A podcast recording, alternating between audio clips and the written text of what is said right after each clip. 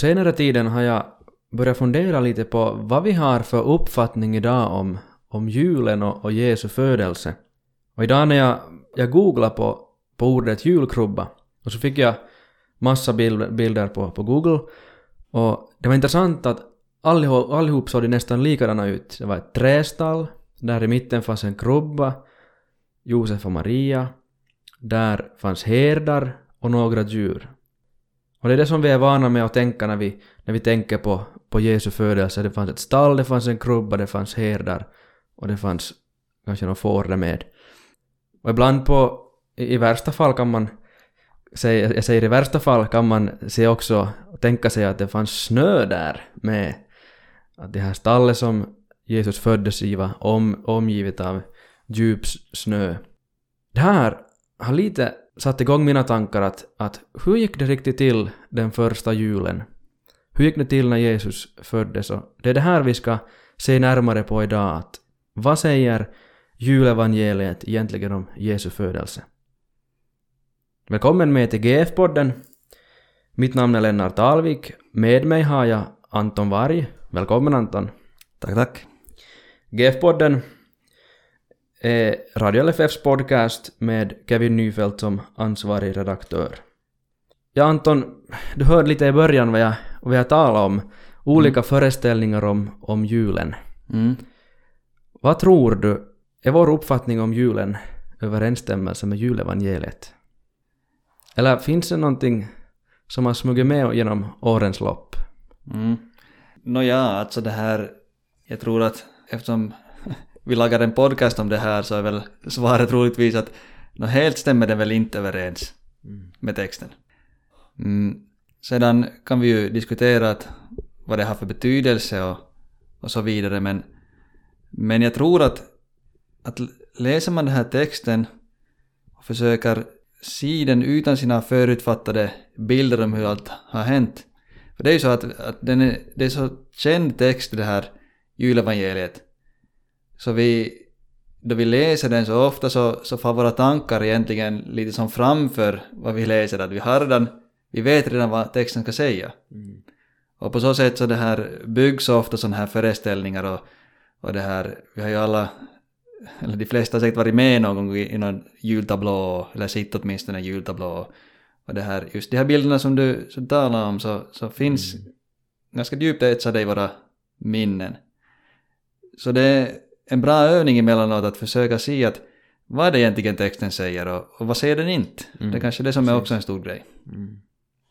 Så det som vi nu har tänkt göra i det här avsnittet, att vi egentligen helt enkelt går igenom julevangeliet enligt, enligt Lukas, det som vi brukar läsa, läsa på julen. Lukas evangeliet kapitel 2, där de här 20 första verserna.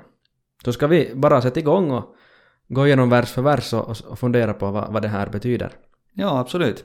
Jag kan läsa det här lite från början. Jag tror att det är bäst att vi stannar upp emellanåt och, och funderar sedan. Men, ja. men jag börjar. Det är alltså Lukas evangeliet kapitel 2 och från vers 1 och vidare. Och det hände vid den tiden att från kejsar Augustus utgick ett påbud att hela världen skulle skattskrivas. Detta var den första skattskrivningen och den hölls när Quirinius var landshövding över Syrien. Alla gav sig då iväg för att skattskriva sig, var och en till sin stad. Jag tror vi pausar där.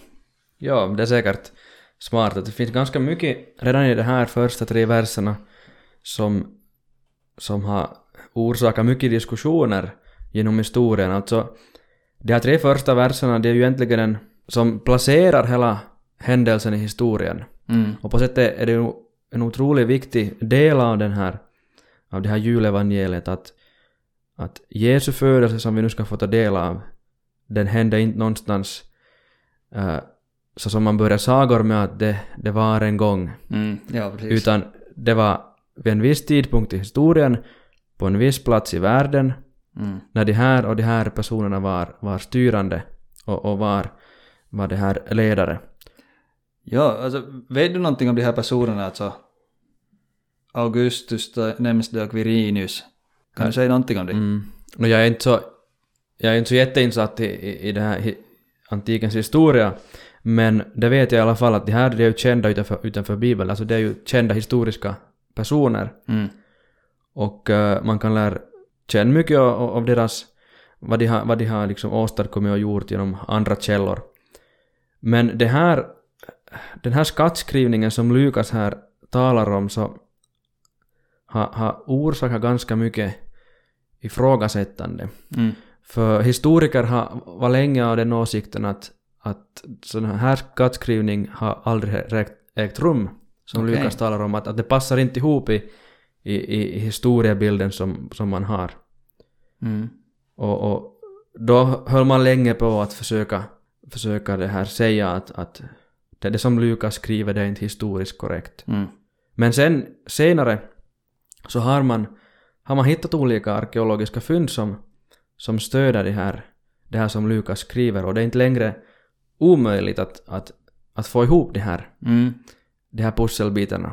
Vi kanske inte kan gå in något djupare på det här men, men, men det finns nog för den som är intresserad att, att, att, att söka, söka vidare information och, Mm. och studera det här. Men jag tyckte det var bra du sa det där i, i början att, att det här inledningen är, är det här lite som en, vad heter det, en kontrast egentligen till, till sådana sagor som börjar att det var en gång. Så börjar det här Lukas istället då med att, att han rabblar upp en där massa det här, eller massa det, sådana här historiska händelser Mm, mm. och, och förankrar det så, så att i historien. Eh, jag tror det, det på latin så, så börjar det här med, med orden factum est. Mm. Alltså detta är ett faktum. Mm. Så börjar jag, det, det, han hålles lämna i mitt minne att det är intressant. Det, ja. En, en viktig poäng.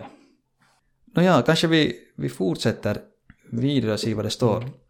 Vi fortsätter i vers 4. Så for också Josef från staden Nasaret i Galileen upp till Judeen, till Davids stad, som heter Betlehem, eftersom han var av Davids hus och släkt. Han for dit för att skattskriva sig tillsammans med Maria, sin trolovade, som är havande. När de befann sig där var tiden inne då hon skulle föda. Och hon födde sin förstfödde son och lindade honom och lade honom i en krubba, eftersom det inte fick plats i härberget. Vi pausar där. Ja, det här var en ganska omfattande, omfattande text tycker du, du läste Anton. Det första som jag stannar vid det är, är Betlehem. Mm. Uh, och att Josef, han for upp till Betlehem, att han var, han, där, det var därifrån hans släkt kom. Och att han, han var av Davids hus, Davids släkt. Mm. Och det här är ju en viktig, viktig sak i den, i den gammaltestamentliga historien alltså att vem som är släkt, vem som tillhör Davids släkt. Mm. Ja, det är ju alla de här profetiorna om, om att också Messias ska komma då av, Precis.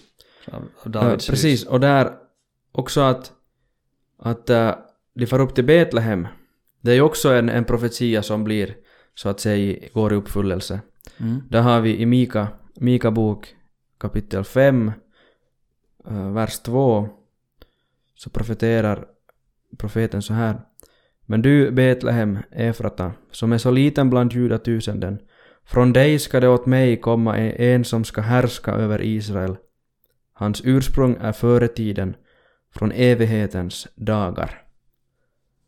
Och den här profetian blir ju sen uppfylld eh, genom, genom Jesu födelse. Och jag tycker det är intressant här att lägga märke till hur, hur Gud styr liksom historien genom olika världshändelser. Nu är det en skattskrivning Mm. som gör att, att eh, Josef beger sig till, till Betlehem Mm.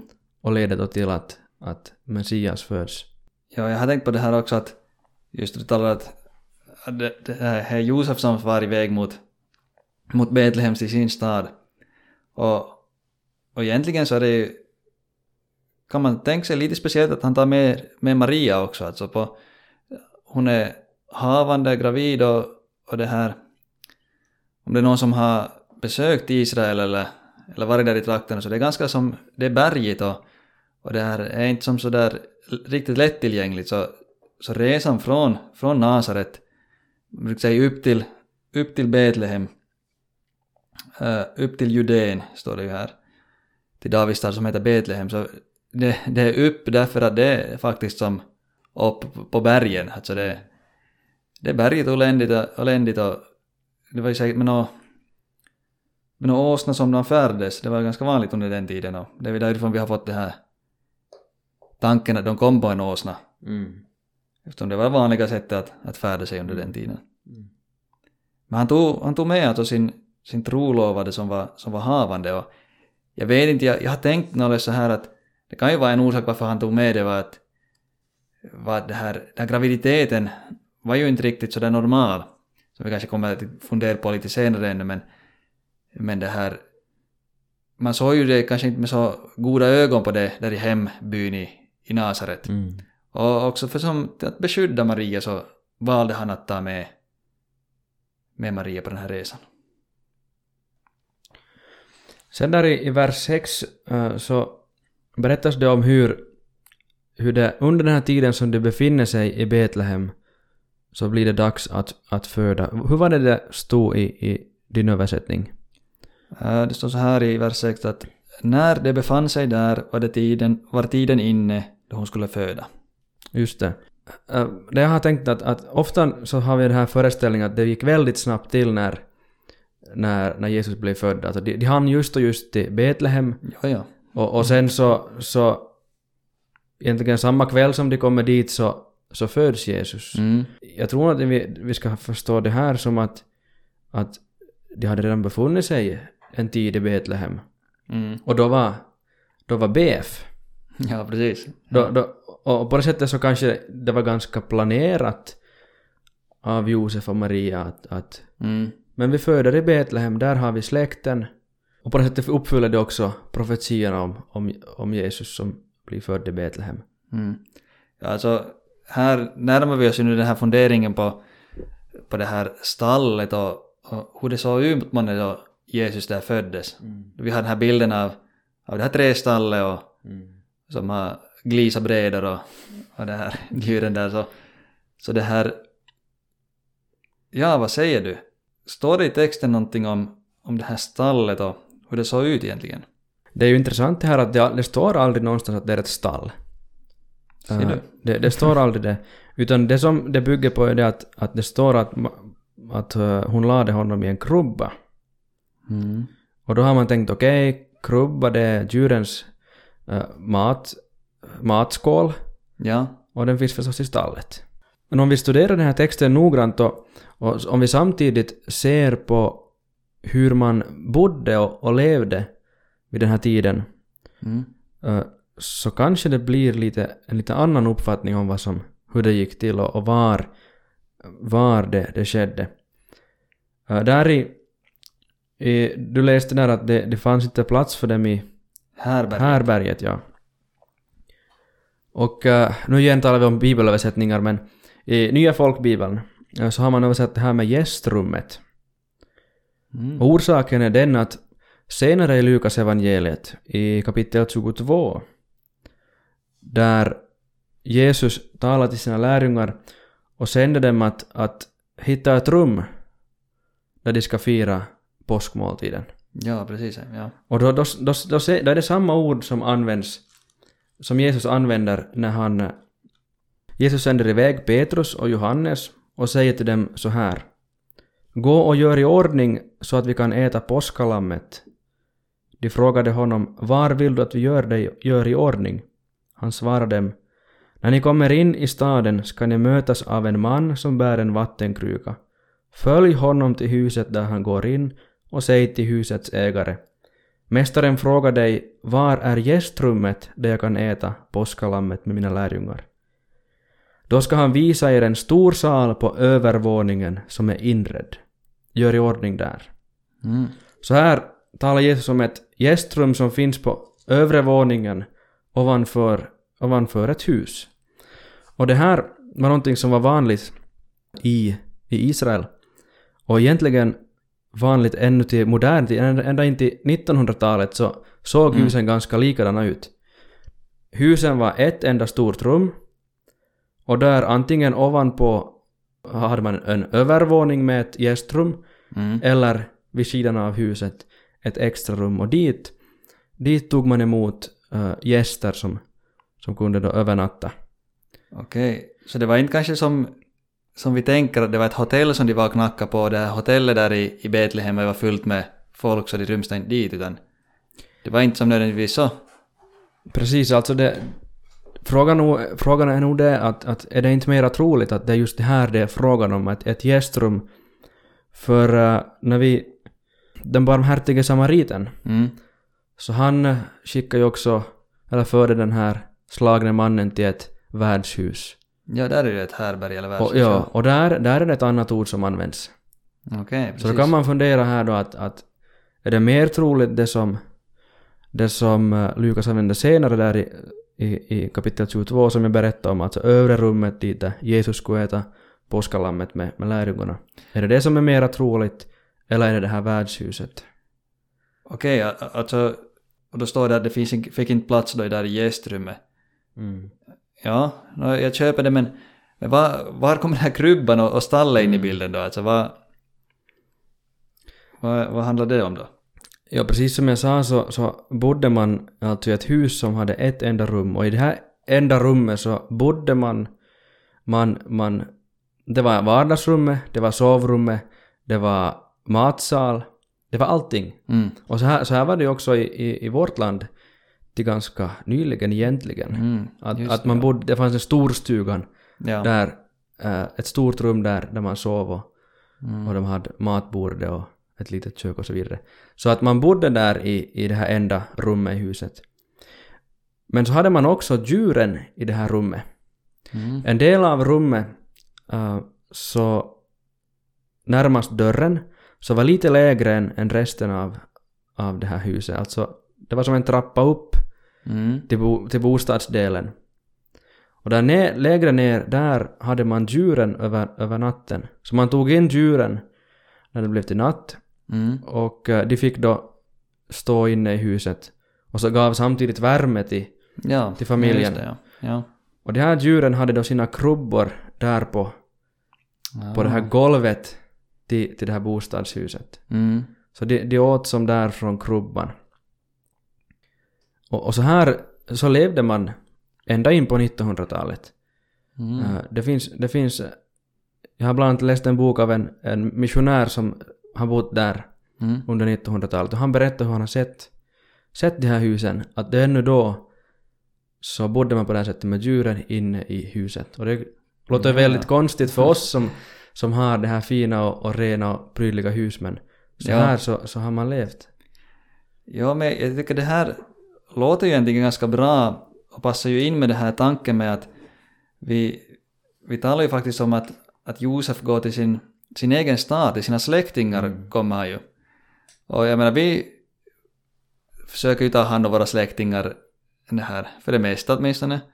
Men får man till Mellanöstern så, så där är ju kulturen sån att det är ju en hederssak att ta hand om sin familj. Mm. Alltså det är ju det är ju någonting på en helt annan nivå än vad vi har det. Mm.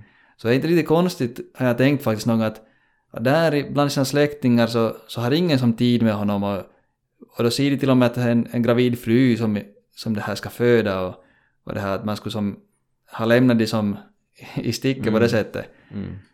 Men, men som du beskriver det så, så är det ju faktiskt så att det, det kanske var så att det har blivit inbjudet in i någons hem egentligen. Mm. Istället för att blivit som, eftersom det fanns rum där i gästrummet. Mm. Alltså. Mm. Ja, just det här att om det är en skattskrivning som pågår så är säkert flera släktingar på Mm. samtidigt i Betlehem och, och, Ja. och då ryms inte alla i gästrummen. Och eh, då kan man egentligen fundera att fick inte Josef och Maria lite bättre än de som hamnade i gästrummet? Ja. För de fick vara i det här huvudrummet egentligen. Ja, det Och där, eh, när hon då föder, eh, föder i, i, i huset så då ligger krubban där bredvid. Och den är ju Mm. perfekt att ha som en liten vagga åt en, åt en, åt en bebis. Precis. Ja, ännu en sak om det här huset var, eller det här var, var det här Jesus föddes egentligen, så har jag hört att, att vissa kyrkor, till exempel ortodoxa kyrkan, så det här, talar om att han föddes i en grotta. Har du några tankar om det? Jo, jag har också hört det här att, att det skulle ha varit en grotta och, och det är inte på något sätt motsäger det här som vi nu har talat om. För eh, på den här tiden så kunde man ibland bygga huset ut från en grotta. Mm. Alltså att man, man, man det här, en del av huset så var, var i grottan och sen så byggde man ut, ut det här, en fortsättning då från, från det här berg, berget. Och det här är ganska smart egentligen, alltså man har halva huset färdigt när man, när man bygger. Eh, Så att eh, de- den uppfattningen som man haft i ortodoxa kyrkan och, och som redan fanns på 150 efter Kristus, alltså lite över, ja ungefär 150 år Mm. efter, efter hans födelse så, så fanns den här uppfattningen att det var en grotta. Eh, men jag tror inte att det på något sätt motsäger, utan det, Mm. det, det, det är en del av förklaringen det också. Precis. Vi ska gå vidare tror jag för, för tiden rinner iväg. Eh, var var vi? Vi var i vers 8. I samma trakt uppehöll sig några herdar som låg ute och vaktade sin jord om natten. Då stod en Herrens ängel framför dem och Herrens härlighet lyste omkring dem och de blev mycket förskräckta. Just det, och och det här, här kommer vi, får vi höra om herdarna. Och de har ju, de har ju en, en viktig plats också, också i vår, våra jultablåer och, Mm. och så här. Och, det är ju, och de har också en väldigt viktig plats i, i julevangeliet. Mm. Egentligen en ganska central plats. Nå ja. Eh, och det kommer vi märka strax när vi läser vidare. Eh, men det som jag tänker att eh, är viktigt att lägga märke till här är just det att det är herdarna som- får det här första budet om, om Jesu födelse. Mm. Det är till herdarna som Herrens ängel kommer. Mm. Och det här, det här tror jag är, är någonting som vi kan tänka på det här sättet att herdarna, de tillhör de här lägre skikten i, i samhället, de här, de här lägre eh, samhällsklasserna. Mm. Så det, det är till, till helt vanliga enkla människor som, som Gud väljer att meddela Ja. och, och meddela eh, Jesus födelse som allra först. Ja, precis det. Ska vi gå vidare om du läser några verser till? Ja, vi kommer alltså till änglarna nu, vers 10. Men ängeln sade, var inte förskräckta. Se, jag bär bud till er om en stor glädje för hela folket. Ty idag har en frälsare blivit född åt er i Davids stad, och han är Messias, Herren. Och detta är ett tecknet. Ni ska finna ett nyfött barn som är lindat och ligger i en krubba. Och plötsligt var där tillsammans med ängeln en stor himmelsk här som prisade Gud. Ära vare Gud i höjden och frid på jorden till människor hans välbehag. Vad väcker det för tankar till att börja med? Det, det är ju det här budskapet som, som ängeln har som avgör allting. Mm. Alltså att det som ängeln säger, ty idag har en frälsare blivit född åt er i Davids stad och han är Messias, Herren. Så det här, det här är liksom... Det här är någonting som en vanlig människa inte kan se eller förstå av sig själv. Att Mm. det här barnet som nu har fötts i, i Betlehem, att det, att det är Messias, uh, Herren. Ja. Utan det här, det här är något som vi behöver uh, uppenbaras och meddelas åt Mm. oss. Och på det, här sättet tänk, på det här sättet tänker jag att, att det som ängeln här gör är ju det som, det som uh, vi kristna och den kristna kyrkan fortsätter att göra Mm. allt efter den här stunden. Alltså att, att meddela för världen att den här, äh, den här människan som har fötts i Betlehem är ingen vanlig människa. Mm. Utan här har vi Messias, här har vi Herren, här har vi Frälsaren och, och, och, och här har vi Guds son. Ja, det står ju faktiskt här i vers 10 där det står om att det bär bud till er om en stor glädje. Så, så det här bud om stor glädje, eller glädjebudskap. Mm. Så det är ju evangelium. Evangelium, precis. Det, det är det som det handlar om. Mm. Precis som du sa. Eh, själv så, så det här tänker jag då jag läser om det här med herdarna och, och ängelns budskap sedan. Så för det mig till mina tankar till, till det här offer. För det är nämligen så att Betlehem ligger ju en, en liten bit utanför för Jerusalem. Där i Jerusalem så, in i staden så finns ju templet där vad det offras varje dag. Där året runt offras det, det här offer. Så det, får ju en, det krävs ju en massa djur för, för det, och speciellt då får, lamm, som ska det här offras. Så högst troligt är ju de här lammen, de här fåren som är där ute och, och betar, som herdarna det här vallar här, så, så det är blivande offerlamm till templet. Det som är intressant nu är ju att, att det här, nu kommer ängeln och meddelar om ett annat offer. Nu är det Gud själv som har valt ut ett, ett offer och har meddelat de här herdarna som vallar kommande slaktoff, slaktoffer. Så det här meddelar han nu om ett annat offer. Det är lite som det här då Abraham ska, ska det här uh, offra sin son Isak. Så då säger Abraham att, att Herren ska nog visa oss det här sitt offer. Och jag tror det är nu han gör det. För då vi läser i, i vers 14 vad det är som de sjunger de här, de här änglarna, så står det så här. Ära vare Gud i höjden och frid på jorden till människor hans välbehag. Till människor hans välbehag. Det här är lite sådär konstigt, egentligen konstig mening och, och svårt att förstå. Men det är alltså, det är en offertext egentligen där, alltså det, det är språk som man använder i samband med offer. För om jag ska läsa, jag ska läsa det från tredje Moseboken, då det talas om, om brännoffer. De här offren, brännoffren var, var till alltså för, att, för försoning av synderna. Mm. Det var de offren som man bränn, brände upp helt för det var, det var alltså för, för synderna det. Står det i, i kapitel 1 och, vers 1, skulle säga vers 1 till 3. Herren kallade på Mose och talade till honom från uppenbarelsetältet. Han sade Säg till Israels barn, när någon bland er vill bära fram ett offer åt Herren, skall ni ta ett offer av boskapen, antingen av nötboskapen eller småboskapen. Om han vill bära fram ett brännoffer från nötboskapen ska han ta ett felfritt djur av hankön och föra fram det till uppenbarelsetältets ingång, för att han ska räknas som välbehaglig inför Herrens ansikte. Mm. Just det. Alltså här talas det ju samma, samma ord om att, att den som offrar blir välbehaglig inför Gud då han har ett offer. Men nu är det Gud själv som har utsett sitt offer och det är därför som människorna är välbehagliga inför honom. Eh, om jag ännu får fortsätta bara så, jag, jag har ett annat, annat ställe i, på, i andra änden av, av Bibeln, i Hebreerbrevet. Just det. Mm. Där står det om, om varför Kristus kom till världen. Lite det som vi talar om. Och det är samma offertanke där också. I, vers, I kapitel 10 så står det i vers 5. När Kristus träder in i världen säger han Offer och gåvor begärde du inte, men en kropp har du berättat mig.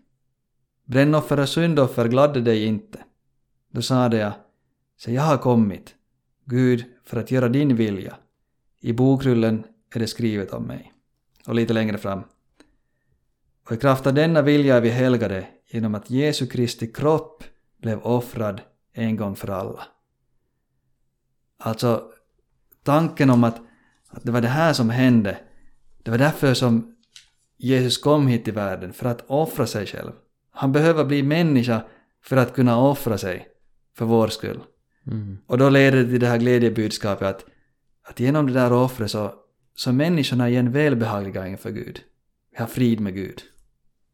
Mm. Det, jag tycker det blir intressant när man just gör som, som det här som du gjorde och, och, och ser tillbaks alltså vad ser tillbaks till gamla testamentet och också du såg på Hebreerbrevets text att, att hur allting hänger ihop att, att Mm. det här tror jag nog är en bra princip att ha när vi läser Bibeln så- som du gjorde nu att, att, att man att man ser äh, till saker som hänger ihop. Det kan ju inte alltid vara så lätt att hitta men här var det ett Mm. ord som, som pekar tillbaks på, på någonting som redan fanns tidigare i Bibeln. Mm. Ja, men intressant, intressant och, och, och givande förklaring tycker jag.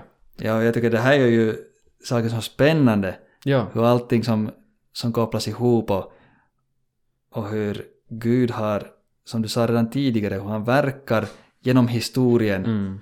och hans plan som fortskrider. En sista kommentar om det här kan jag nu säga där i, i vers 12 så står det bara att eh, ni ska finna ett nyfött barn och detta är tecknet, ni ska finna ett nyfött barn som är lindat och ligger i en krubba.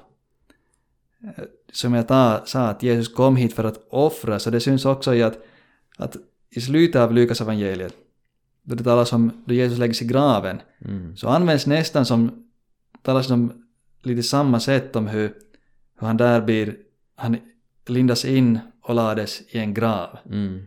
Något som kopplar Lukas också, jag vet inte om det är hans tanke men jag tror nästan det att, att han kopplar ihop att, att det här, han lindas och läggs i en krubba och att han lindas och läggs i en grav, det kopplas som samman. Det var, Mm. Mm. det var den här döden, offret, det var därför han kom. Precis, Precis.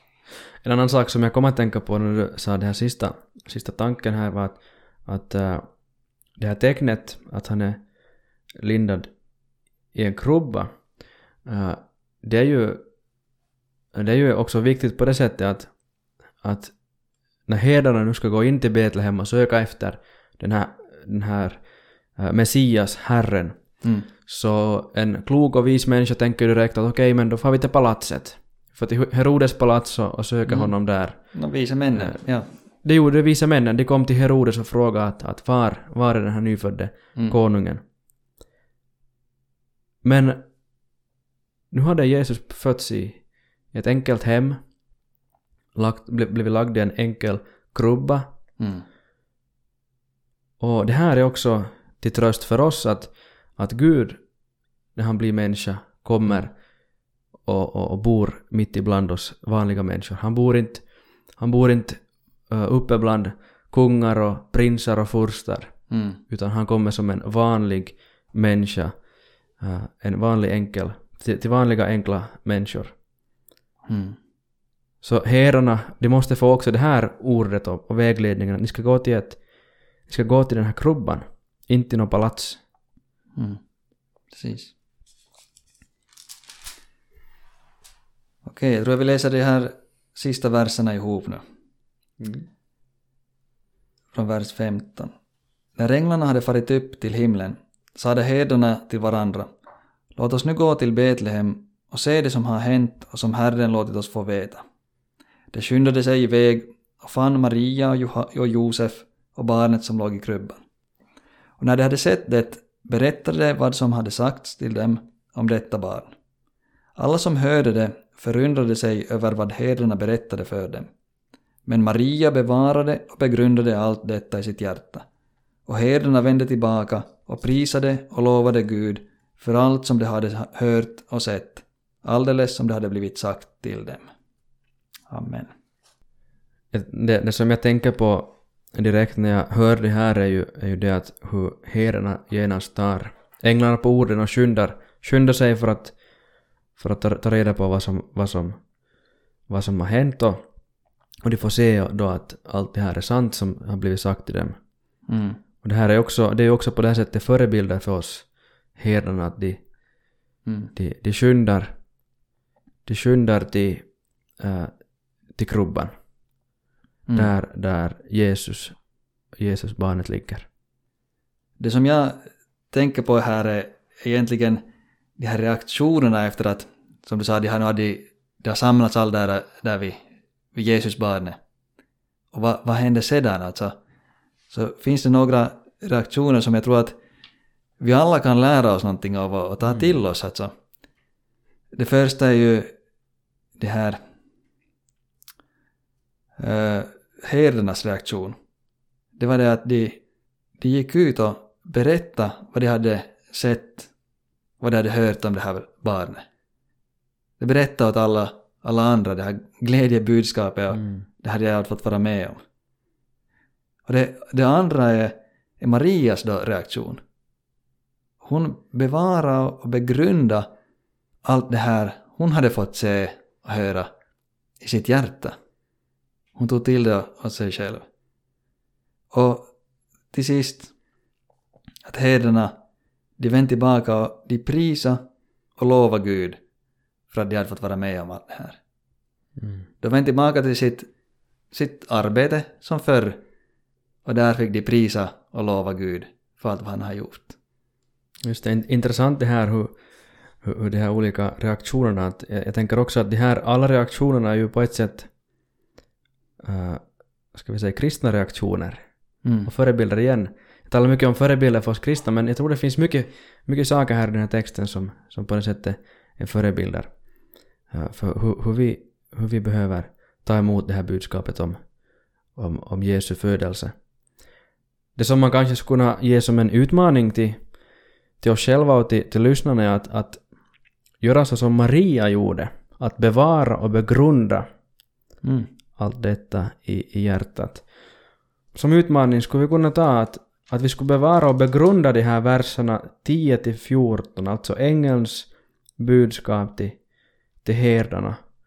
Att vi var och en skulle begrunda nu inför julen eh, vad det här betyder, det som ängel, ängeln kommer med.